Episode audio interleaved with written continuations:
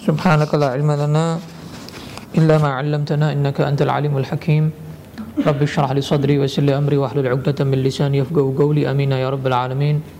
قال المصنف الإمام الشعراني رحمه الله تعالى ونفعنا به وبعلومه في الدارين. آمين يا رب العالمين. إلى أن قال وكان أمير المؤمنين عمر بن الخطاب رضي الله تعالى عنه يقول beliau Amirul Mukminin Sayyidina Umar ibn Al-Khattab khalifah yang kedua radhiyallahu anhu beliau berkata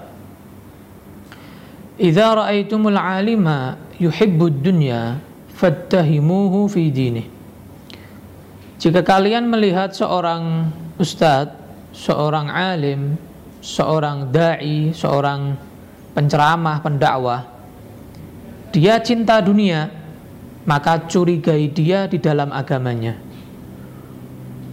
Karena bisa jadi fa inna kulla muhibbin yakhubu fima ahab.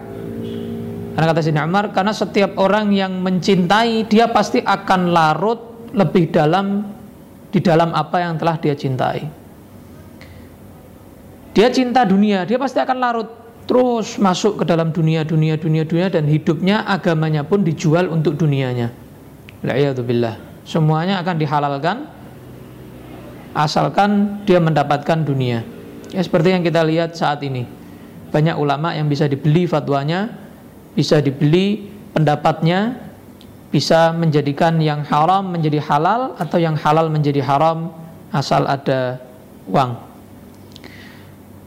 Wa kana Al-Hasan Al-Basri rahimahullah taala yaqul Al-Imam Al-Hasan Al-Basri seorang pemimpin para tabi'in, murid para sahabat, beliau berkata, wa min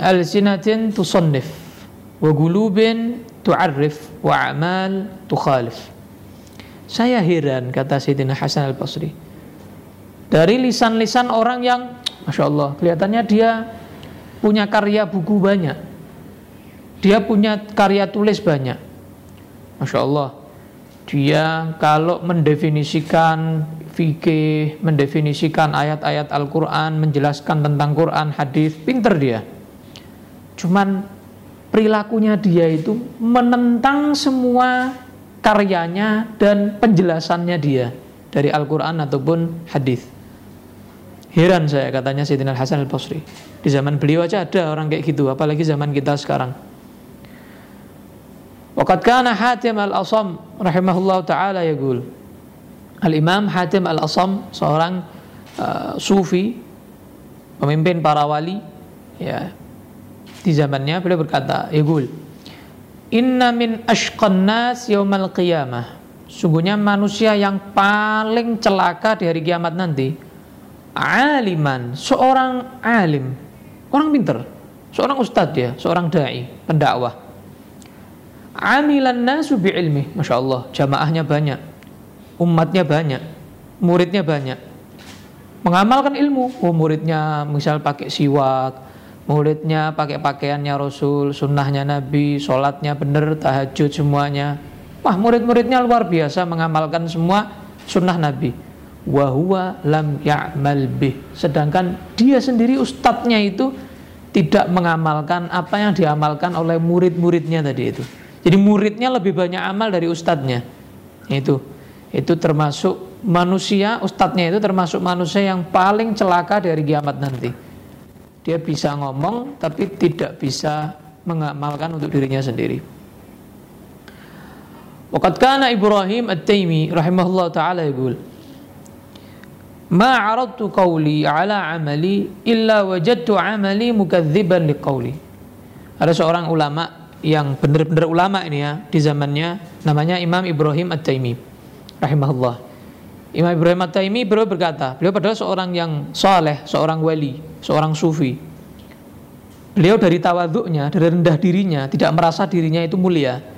Beliau berkata, saya ini ketika setiap saya nasihati orang lain, setiap saya menyampaikan nasihat, setiap saya mengajak orang lain berbuat baik, saya bandingkan ke diri saya sendiri. Ternyata saya perilaku saya mendustakan nasihat saya. Kenapa? Tidak sama. apa yang saya nasihatkan dengan apa yang saya amalkan nggak sama. Ini tawaduknya beliau, Imam Ibrahim At-Taimi. Wakana Ibrahim ibnu Adham, rahimahullah taala yaqul, Laqad a'rabna fil kalam falam nalhan, wa lahanna fil amal falam nu'rib. Al-Imam Ibrahim bin Adham rahimahullah taala beliau berkata, kami ini kalau kita ini ya, kalau berbicara, kalau baca Quran, kalau baca hadis itu masya Allah nggak salah, bener bacaannya, Qurannya bacaannya bener, baca kitab gundulnya pinter misalnya. Tapi kalau dalam amal kita salah-salah baca kayak kayak kayak, kita ini nggak tahu ilmunya. Padahal kita tahu ilmunya tapi salah-salah di dalam beramal. Seakan-akan kita nggak tahu ilmunya. Padahal kita tahu ilmunya tapi tidak mengamalkannya. Ya wa kana al-auza'i rahimahullah taala yaqul idza jaa al-i'rab fil alfaz dhahaba al-khushu' min al-qari' min al-qari' was-sami' Al-Imam Al-Auza'i rahimahullah taala berkata kalau sudah kita ini berpura-pura fasih, difasih-fasihkan, misalnya ada orang sholat fasihkan, Bismillah, misalnya difasih-fasihkan, ya kayak orang lagu-lagu zaman sekarang ini, ya itu biasanya Malah dianya sendiri itu tidak khusyuk. Kenapa? Dia fokus pada lagu, fokus pada kefasihan bacaannya supaya didengar orang bacaannya fasih. Dia justru nggak fokus pada khusyuk sholatnya, makna sholatnya, mentadaburi bacaannya. Itu banyak yang begitu. Belum tentu yang kalian barusan dengarkan tuh MP3 Quran tadi yang barusan didengarkan. Yang di style tadi, tidak tahu siapa koriknya itu. Belum tentu tuh kori itu ketika baca khusyuk belum tentu. Inti kira orang baca enak Quran mesti khusyuk belum tentu. Justru orang baca Quran dienak-enakkan itu lebih sulit untuk khusyuk. Kenapa? Dia fokusnya memperindah suaranya. Fokusnya di situ supaya orang lain dengar suaranya, wah enak suaranya, indah suaranya, bagus suaranya. Tapi dia untuk dirinya sendiri, untuk apa? Uh, me, me, mengamalkan isinya atau memahami maknanya, justru yang inti-inti dia tinggalkan. Justru yang nggak inti sama sekali, nggak nggak perlu di dia fokus ke situ, itu dia fokus ke situ. Banyak orang seperti itu. Nauzubillah min dzalik. Wa kana Sufyan ats-Tsauri rahimahullah taala yaqul balaghana anna Isa alaihi salatu wassalam kana yaqul dulu Nabi Isa alaihi salam pernah berkata begini Nabi Isa yang berkata Mathalu man yata'allamul ilma wa la ya'malu bihi. Perumpamaan orang yang punya ilmu tapi tidak bisa mengamalkan ilmu. Kama thalim ra'atin zanat sirran faja'ahal makhat faftadahat.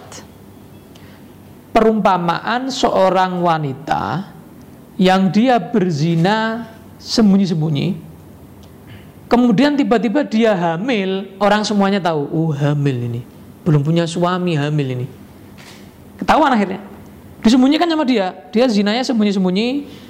Belum hamil belum kelihatan dia maksiatnya tapi ketika sudah hamil besar semua masyarakat lihat wah hamil hamil di luar nikah ketahuan nah begitu juga kata Nabi Isa orang punya ilmu dia ngaji tahu ilmunya tapi nggak ngamalkan ilmunya sama kayak perempuan itu katanya Nabi Isa wa kadzalika man lam ya'mal bi yufdihillah yaumal qiyamah ala.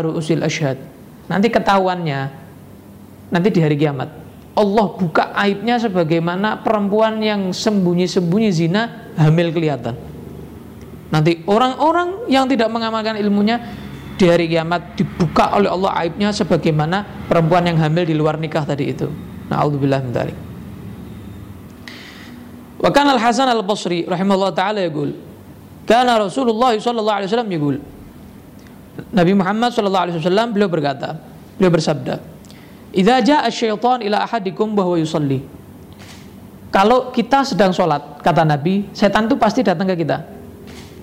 Datang ke setan. Fakal, innaka mura'in. Setan itu ketika kita sholatnya nggak khusyuk, ketika kita sholatnya itu niatnya pamer, biar orang tahu kita sholat. Maka setan bilang, fal yazid hatulan dah kamu itu riak. Kamu itu nggak ada tujuan untuk ibadah. Dah, sholat kamu lama-lamain nggak apa-apa. Kamu yang lama sholatnya nggak apa-apa. Percuma kamu sholat katanya setan. Kamu sholat bukan karena Allah, kamu sholat karena makhluk. Kamu sholat karena pengen dipuji. Dah, yang lama sholatnya nggak apa-apa. Jadi setan justru bisi kita apa? Yang lama sholatnya. Jangan sebentar kalau sholat, yang lama. Kenapa? Setan tahu, percuma ente sholat. Ente sholat tidak ada isinya. Percuma kata setan. Udah yang panjang aja, yang lama, yang lama sholatnya. Karena setan tahu, percuma. Kamu nih riak. Kamu nih pengen pamer. Buat apa kamu? Sholat. Ya, yang lama, yang lama sekalian. Bahkan dalam riwayat yang lain itu ada yang menyatakan riwayat yang menyatakan setan itu kadang joget berjoget ria di depan orang-orang yang sholat kenapa?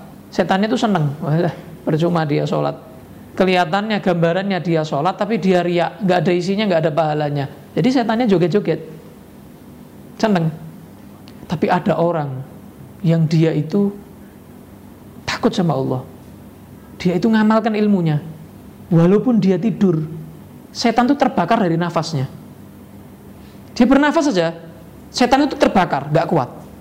Setan lari dari dia. Kenapa? Takut. Ini orang tidur ini lebih mengerikan dari orang sholat ini. Kenapa? Orang yang lagi tidur ini orang yang takut sama Allah. Orang yang kalau sholat khusyuk. Gak lama sholatnya, tapi khusyuk. Daripada orang yang lama sholatnya, tapi riak, pamer. Orang yang banyak sodakohnya, tapi pamer. Daripada orang yang biasa, tapi dia takut sama Allah, dia ikhlas, itu nafasnya bisa membakar setan. Setan takut sama dia. Ini justru orang ini malah setan bilang yang lama sekalian sholatnya yang lama. Karena setan tahu ini sholatnya percuma, nggak bermanfaat sholatnya nanti di hari kiamat. Wa kana al-Fudail bin Iyad rahimahullah taala yaqul Al-amalu li ajlin nas. Al-Imam Fudail bin Iyad, seorang tokoh sufi, beliau berkata, beramal karena pengen dipuji manusia itu namanya ria. Wa tarkul amal li ajlin nas syirik. Syirkun. Kamu meninggalkan beramal karena takut ria. Ya. Itu lebih parah lagi, syirik itu. Gara-gara makhluk kamu rela nggak beramal. Eh, udah Anak kalau sodakoh nanti malah kelihatan orang lain, nanti malah pamer, malah riak, susah tidak jadi sodakoh. Loh, itu malah syirik itu. Ente gara-gara manusia, ente tinggalkan beramal, tidak bisa. Lebih parah lagi itu. Loh caranya gimana, Beb? Loh saya kalau beramal, saya nanti riak. Saya kalau ninggalkan syirik. Itu gimana ini? Enaknya ini. Saya kalau sholat, nanti riak. Saya kalau nggak sholat, ya dosa. Gimana? laksanakan dan lawan hawa nafsu kamu. Caranya begitu. Ente mau kerja, ente takut, kalau rugi gimana? Nanti uang modal saya habis. Ya enggak kerja kerja ente. Ya enggak. Orang kerja ya harus spekulasi itu ya. Pikir, oh ini insya Allah gini gini gini gini. Nah, insya Allah dah berani rugi sudah. Berani dia maju. Jangan terus ente mau kerja mikir ruginya tok. Ya sudah, Ya tidak kerja-kerja ini. Tidak maju-maju ini. Tapi ketika ente mau beramal, ente jangan mikir riaknya. Jangan mikir ruginya. Ente pikir, Ana pasti bisa melawan hawa nafsu. Pasti bisa melawan setan. Ana pasti bisa ikhlas. Nggak riak. Gitu aja. Leh, anu sudah terjang sudah. Lewati sudah. Jadi lawan Riak itu dilawan, bukan terus ditinggalkan amalnya karena takut riak. Wal ikhlas ayyu'afiyakallah minhuma. Orang yang ikhlas, orang yang diselamatkan oleh Allah. Jadi orang yang ikhlas itu hanya orang-orang yang diselamatkan sama Allah. Makanya setan nggak mampu melawan orang ikhlas. Bagaimana kemarin e, dua minggu yang lalu yang saya sampaikan, sedikit kata setan ketika bersumpah di hadapan Allah mau menjerumuskan manusia ke neraka, kata setan apa? hanya sedikit dari hambamu yang ikhlas yang selamat. Jadi yang sedikit itu adalah hambanya Allah yang ikhlas. Illa ibadaka minhumul mukhlasin kata setan. ketika ngomong sama Allah Ta'ala dalam Al-Quran Allah sampaikan ceritanya. Ya Allah saya akan jerumuskan semua keturunan Adam semua manusia kecuali ya Allah hamba-hambamu yang ikhlas. Gak, gak mungkin saya bisa menjerumuskan mereka. Kata Allah apa selanjutnya? Setelah setan ngomong gitu inna ibadi laisa alaihim sultan. Eh setan eh iblis kata Allah jawab omongannya iblis tadi. Dalam Al-Quran ini kalau hambaku ente tidak bisa lawan mereka. Percuma ente lawan mereka. Ente mau goda mereka ente mau jurumuskan mereka ente mau ngasih tipu daya ke mereka nggak bisa. Kenapa? Mereka orang yang ikhlas. Allah yang bilang Allah yang jamin. Kalau orang yang ikhlas nggak bisa setan lawan. Tapi orang yang nggak ikhlas udah. Dia nggak ikhlas ya gampang dipermainkan oleh setan. La'iyadzubillah ta'ala. Jadi Allah sendiri yang jamin. Orang yang ikhlas nggak bisa dilawan. Makanya setannya yang bertugas goda Nabi Muhammad sudah menyerah. Belum berusaha setannya menggoda Nabi Muhammad sudah menyerah. Nabi Muhammad dilawan. Ya sudah, nyerah setannya sudah. Nabi Muhammad kok dilawan? Ya sudah nyerah setannya. Ya, Nabi Muhammad menyampaikan bersabda, bahwa setan itu apa e, mengalir dalam diri manusia sebagaimana darah mengalir dalam diri manusia. Dari dekatnya setan sama kita dari pengennya setan menjerumuskan kita sampai seperti aliran darah kata Nabi. Kata para sahabat engkau juga Nabi? Iya cuman setan yang sama saya ini nyerah sudah. Nggak bisa. Setannya Nabi Muhammad ya nyerah nggak bisa. Makanya Nabi Muhammad kan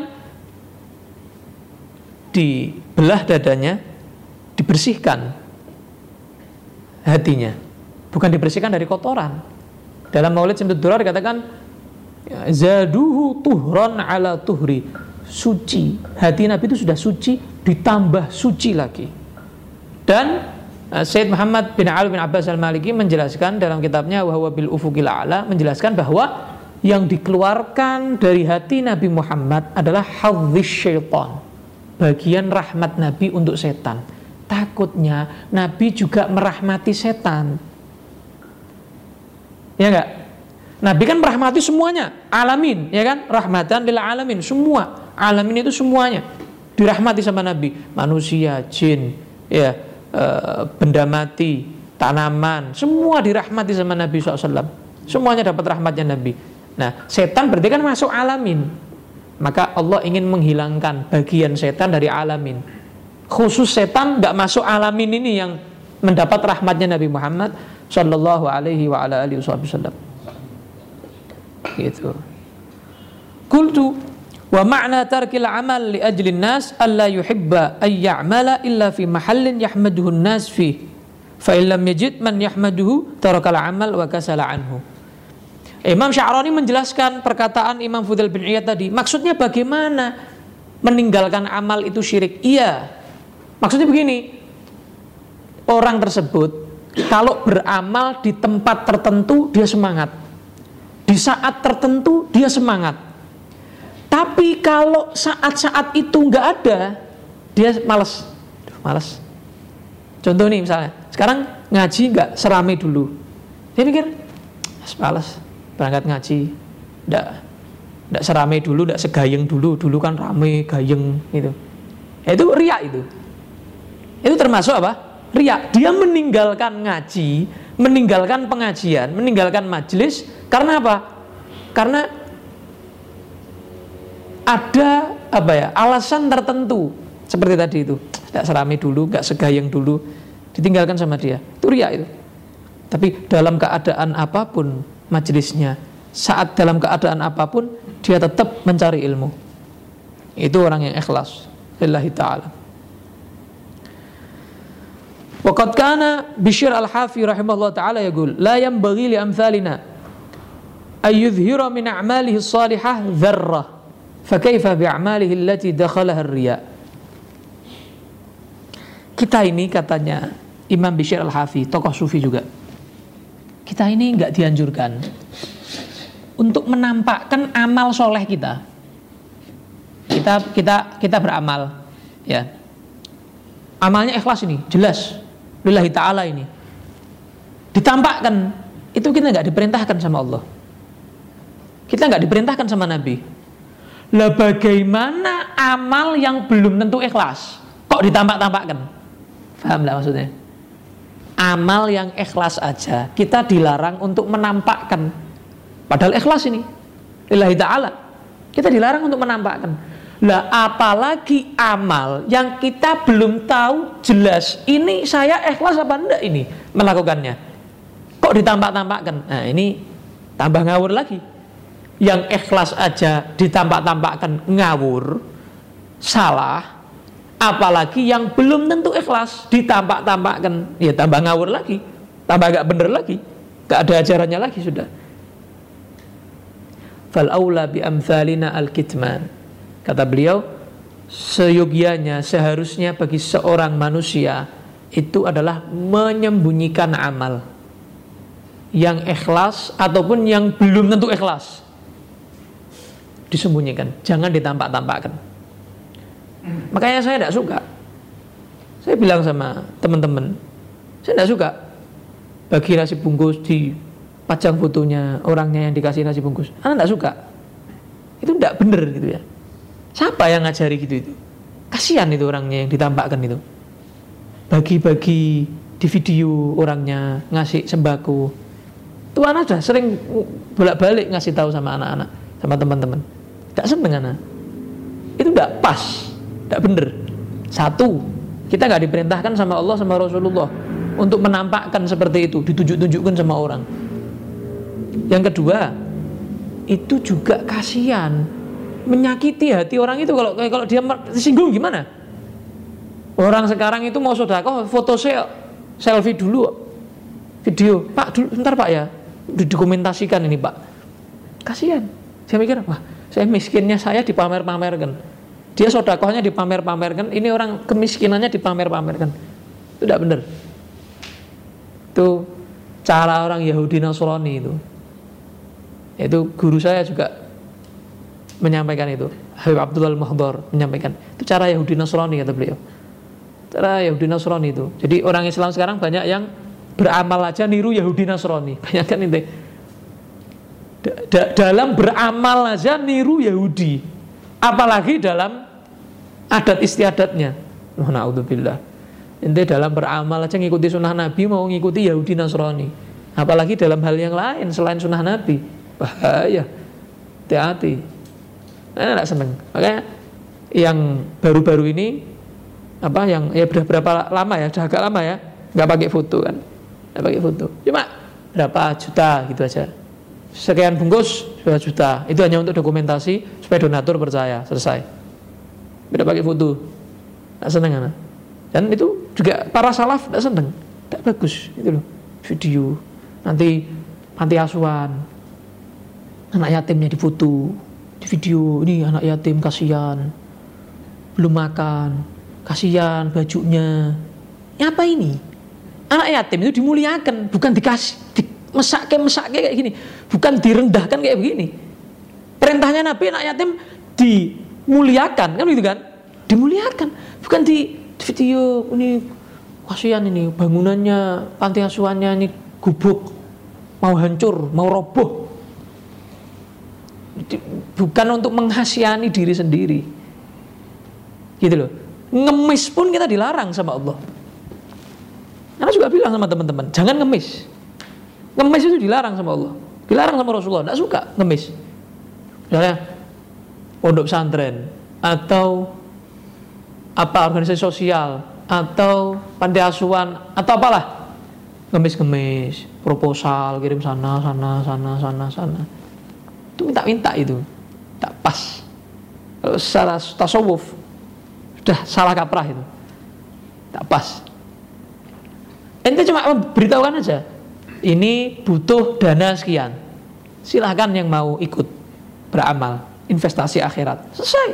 Itu toh paham enggak? tidak perlu ente sampai datang ke sini.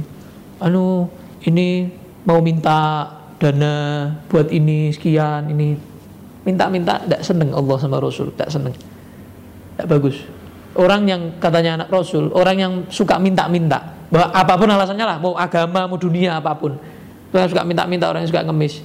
Itu nanti di hari kiamat dia orang yang paling malu kata Rasul. Orang yang paling malu. Eh jangan ngemis. Beritahukan aja. Misalnya ente punya apa gitu sosial. Beritahu beritahukan aja. Oh butuh dana sekian. Khalas, selesai. Gitu aja perlu minta-minta. Ya sampai maksa apalagi tidak usah. Minta-minta. Itu tidak ada senengi kesadaran orang yang dia diberikan amanah sama Allah biar dia sadar atau tidak gitu aja. Selesai. Waqad balagana anna Isa alaihi salatu wassalam kana yaqul lil hawariyin radhiyallahu anhum. Nabi Isa alaihissalam pernah juga berkata kepada hawariyin eh, murid-muridnya, sahabat-sahabatnya. Nabi Isa, hawariyin, sebutannya hawariyun atau hawariyin. Idza kana yaumu shaumi ahadikum falyudahin ra'sah wa lihyatah wa yamsaha wa yamsah wa yamsah syafatih. Lialla yaran nas annahu shaim Nabi Isa ngajari ke murid-muridnya hawariyin ini. Eh para hawariyin para penolongku para yang khidmah dengan aku kata Nabi Isa kalian kalau puasa sunnah ya kalian kalau puasa hendaknya rambut kalian diminyai jenggot kalian juga dikasih minyak bibir kalian dibasahi. Supaya apa? Biar orang taunya ente tidak puasa. Padahal ente puasa. Bayangin. Sampai suruh menyembunyikan amal sampai kayak gitu. Bayangin ini Nabi Isa ini. Perintah ke murid-muridnya. Jangan sampai orang tahu ente puasa. Dimelas-melas kayak. Bibirnya kering. Oh, bibirnya kering. Mau tak buatin apa? Nggak, anak puasa. Loh. Apa itu? Ente bangga ente bilang sama orang gitu. Bangga ente. Cukup Allah yang tahu ente puasa. Buat apa ente? Alhamdulillah. Karena kalau Senin Kamis puasa, ya buat apa? Ente ngomong gitu itu tidak sadar ente. Ente sekian tahun ente puasa Senin Kamis. Dihapus semua sama rokep atit tuh. Alah ngopo? Senin Kamis rak kanggo kabeh. Senin Kamis gak gak kepake semuanya. Duh, Beb, saya niatnya pengen ngajak dia biar puasa Senin Kamis, bukan kelasnya ente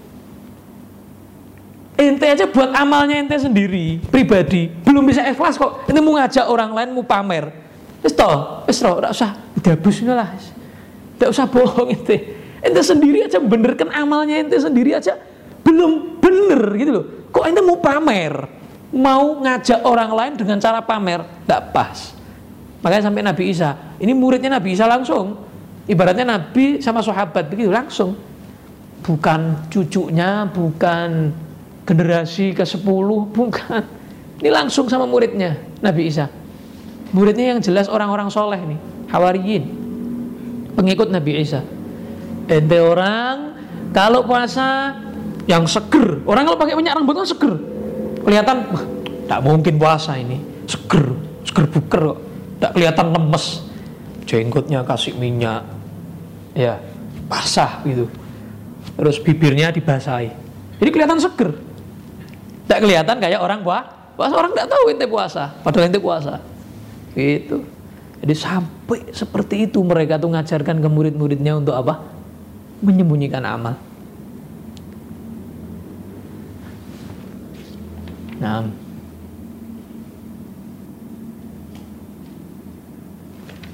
makanya terakhir Waqad al-Fudail bin Iyad rahimahullah taala yaqul Imam Fudail bin Iyad melanjutkan lagi dengan perkataan yang lain khairul ilmi wal amal sebaik-baiknya ilmu dan amal ma khafiya nas yang samar tidak ketahuan oleh manusia yang lain. Itu sebaik-baiknya ilmu dan amal. Wallahu a'lam. Mudah-mudahan kita semua bisa termasuk menjadi orang-orang yang menyembunyikan amal sebagaimana kita juga menyembunyikan aib kita. Ya enggak? Kita aib kita sembunyikan. Kita nggak mau aib kita kita umbar. Kan begitu? Nah sebagaimana kamu menyembunyikan aib kamu kekurangan kamu, sembunyikan juga amal kamu. Supaya apa? Jadi celengan. Cuma kamu sama Allah tok yang tahu. Orang lain tidak ada yang tahu. Jadi jadi celengan. Cuma Allah yang tahu. Di akhirat kamu punya celengan. Hanya Allah sama kamu yang tahu. Yang manusia nanti semuanya triliunan lebih manusia akan ketahu. Oh ternyata Fulan ini dulu banyak amalnya, tapi nggak kelihatan. Lebih lebih terkenal ini dari sekarang, lebih viral ini. Ini sekarang mau ente foto, paling berapa yang lihat ente? Seribu, dua ribu, ya kan? Sepuluh ribu orang, seratus ribu orang, sejuta orang, ya enggak? Semiliar orang, dikit. Viralnya dikit dan sebentar ente mati sudah. Tapi nanti ketika ente amalnya disembunyikan, ya hanya ente sama Allah yang tahu amal tersebut di hadapan seluruh manusia, mulai Nabi Adam sampai kiamat, malaikatnya semua ikut, jin semua ikut, iblis sak turunannya semua ikut dan Allah pun juga di situ, para nabi di situ, para rasul di situ ditampakkan. Nih loh, orang ini dulu suka beramal tapi tidak pamer.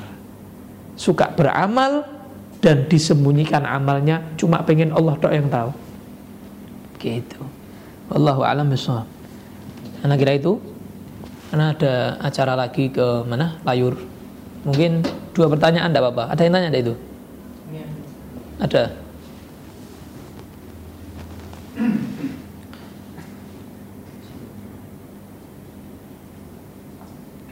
Uh, tentang tawasul. Tawasul ya, tentang tawasul. Jadi tawasul itu perintah Allah dalam Al-Qur'an. Dalam Al-Quran Allah berfirman, Ya ayuhalladzina amanu taqullah. Ya orang-orang yang beriman, bertakwalah kalian kepada Allah. Wabtahu ilaihil wasilah. Dan carilah perantara kepada Allah. Ibarat kita mau ke Jakarta. Kita nggak pakai perantara. Kaki kan juga perantara, jalan kaki perantara kaki. Naik becak ke Jakarta perantara becak. Naik motor ke Jakarta perantara motor, naik mobil perantara mobil, lewat jalan tol perantara jalan tol, begitu. Pesawat wasilahnya tawasul dengan apa? Pesa, pesawat. Gambarannya begitu. Tujuannya sama ke Jakarta, gitu. Nah kalau ente pakai amal ente sendiri, apa? Pribadi ente sendiri, sedangkan ente tahu moralnya bobrok, amalnya bobrok, imannya rendah, Ente kapan sampainya ke Allah? Ente ke Jakarta, ini jalan kaki. Kapan sampainya ke Jakarta ente? Ini ngandalkan diri sendiri, nggak mau pakai, nggak mau tawasul ente. Tapi orang yang tawasul, oh, pakai pesawat cepet 45 menit sampai Jakarta. Cepet. 50 menit sampai Jakarta. Satu jam sampai Jakarta. Cepet. Sampainya ke Jakarta ke tujuan cepet. Sama. Orang beramal, perintah Allah cari perantara yang cepet ente tawasul sama wali tawasul sama Rasulullah. Cepet ente sampainya ke Allah. Kenapa? Perantaranya langsung orang-orang istimewa. Sama kayak pesawat tuh cepet. Jadi tawasul begitu dia mati. Jadi tawasul itu begitu. Oh, gini orang-orang yang tidak percaya sama tawasul udah biarin nis percuma nyari perdebatan dok. Udah biarin. Tidak mau tawasul ya silahkan Tak mau ya wis. Suruh jalan kaki ke Jakarta dia. Ya, tak mau pakai pesawat, tak mau pakai motor, tak mau pakai mobil, biarin aja. Sampai ke Allahnya kelamaan dia, nggak sampai-sampai, selamati. Nah, ini pertanyaan kedua terakhir, bagaimana hukumnya memberi sedekah pada orang minta-minta? Tapi kita tahu itu hanya profesi, padahal di kampung halaman mereka cukup mampu. Ya, antara gini, orang yang minta ya jangan kita sampai menyinggung dia. Walaupun kita tahu dia mampu. Jangan sampai ada menyinggung. Kalau ente bisa menolak dengan cara yang baik nggak apa-apa. Ente tahu dia orang yang mampu memang profesinya minta-minta di jalan. Tapi kalau ente nggak bisa menolak dengan baik kasih aja. Ente punya berapa kasih aja. Niat aja sodakoh nggak apa-apa. Karena sodakoh itu nggak harus sama orang miskin. Ya kan? Sedekah itu nggak harus sama orang miskin. Jadi sodakoh aja nggak apa-apa. Ini niatkan sodakoh Dah. Mudah-mudahan. Atau niatkan hadiah. Kalau dia orang yang mampu, niatkan aja hadiah, dah hadiah. Yang penting saya tidak menyakiti hatinya. Karena menyakiti hati orang lain itu juga perbuatan do, dosa. Nyakiti hati orang lain memang dosa. Jadi jangan sampai nyakiti. Jadi tetap ente jaga perasaannya, jangan sampai dia sakit hati, tetap dijaga perasaannya. Allahu alam bisawab.